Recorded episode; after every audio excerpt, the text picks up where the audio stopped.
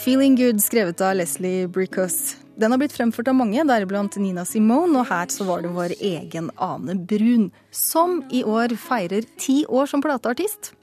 Det startet i 2003, da hun valgte å gi ut debutalbumet sitt på egen hånd, for hun syntes det tok for mye energi å vente på at plateselskapene skulle bestemme seg.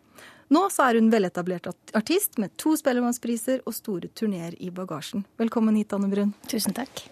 Du, Det har skjedd mye i løpet av disse ti årene. Hvis du skulle velge ut noe av det som er det største, eller kanskje de største øyeblikkene, hva er det for noe? Mm. Um, skal vi se Det er mange, det er ganske mye. Uh, jeg tror at det året jeg slapp andreplata mi, 'Temper Dive', så, så, um, så, skjedde det veldig mye på en gang. Det var liksom den, den slo liksom gjennom i, i Norge og i, i, andre land. og Det var mye store konserter, store TV-ting og sånn. Og det året var jo veldig Og så duettplata mi med 'Lift Me' og sånne ting som skjedde. Det var veldig mye som skjedde det året, og det året var veldig sånn tjukt av store opplevelser. Det er nesten vanskelig å plukke ut ting. Men eh, etter det så har det vært uh, innspilling på Island i 2007, flere uker der, og USA-turneer og Peter Gable-turneer, og så siste plata mi som jeg spilte inn for ja, nå er det to år siden.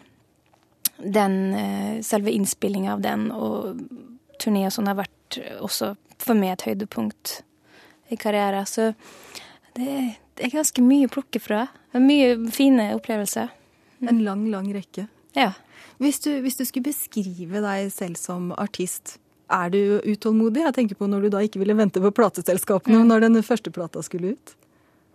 Ja, jeg er utålmodig på den måten at jeg syns liksom at Altså rent kreativt, da. Det vil liksom, når, når noe er ferdig, så vil jeg helst at det skal høres ganske fort. Jeg syns det det skal ikke få ligge og vente, liksom.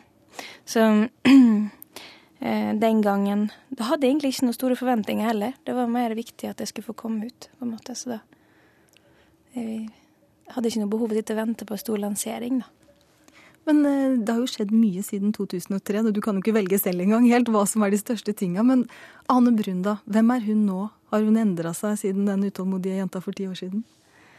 Jeg er fortsatt ganske utålmodig med det å få ut det jeg har skrevet og gjort og sånn, men eh, jeg har jo blitt eh, ti år eldre også.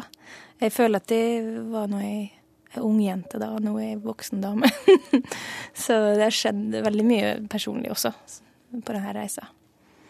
Du nevnte så vidt Peter Gabriel her som en artist du har et nært forhold til. Hva har han betydd for deg gjennom karrieren din, egentlig? Altså um, han kom jo inn i livet mitt når jeg fikk reise på turné med han i 2010. Det var da, det hadde jeg jo allerede holdt på ganske lenge. Jeg hørte på musikken hans da jeg var ti år og 15 år. Og, altså i tenåra hørte på musikken hans. Så rent av alle andre ting jeg hørte på, så har han også vært med. Um, men det jeg lærte meg på, på den tida jeg jobba med han, det var Jeg fikk en ganske stor utfordring på scenen. Jeg spilte på veldig store scener, masse, masse folk, og fikk synge veldig mye som jeg ikke har sunget før, og mye vokalting vokale ting som jeg aldri skulle gjort ellers. Så jeg fikk utfordra meg sjøl ganske mye, og lærte meg så mye av det. da. Ble litt modigere, tror jeg. Mm. Um, og det å få være med oss på en sånn stor produksjon med så uh, høyt nivå på alt, var jo veldig spennende. Å få spille på store Hollywood Bowl og, og få være med på liksom disse skikkelige store turneene. Det var veldig, veldig lærerikt, da. Så. Men, men, den turneen der, den, den, måtte du avbryte fordi du har en kronisk sykdom, lupus, som brøt ut igjen da. og Det gjorde at du måtte være borte fra musikken og rampelyset i et halvt år. Hvordan er det å komme tilbake? Um, den Hva skal jeg si Den turneen var jo en Hva skal jeg si Det var en Peter Gabriel-turneen som vi gjorde for mange år siden, eller tre år siden, og den fikk jo gå sin gang, liksom. Men det her var jo en annen turné vi skulle gjøre i høst. og jeg hadde, jeg hadde vært ute veldig veldig lenge, og så ble det som at jeg måtte, ta en pause rett og slett for at jeg ble sjuk. Og nå har jeg hatt uh, fire-fem måneder uten så mye å gjøre, og føler meg veldig sterk og frisk. Så det er veldig gøy å få komme tilbake og spille og være 100% igjen. Så det, det er godt. Det er liksom sånn Gjør en sånn pause noe med musikken din? Kommer det masse ideer strømmende på, eller hva, hva, skjer da?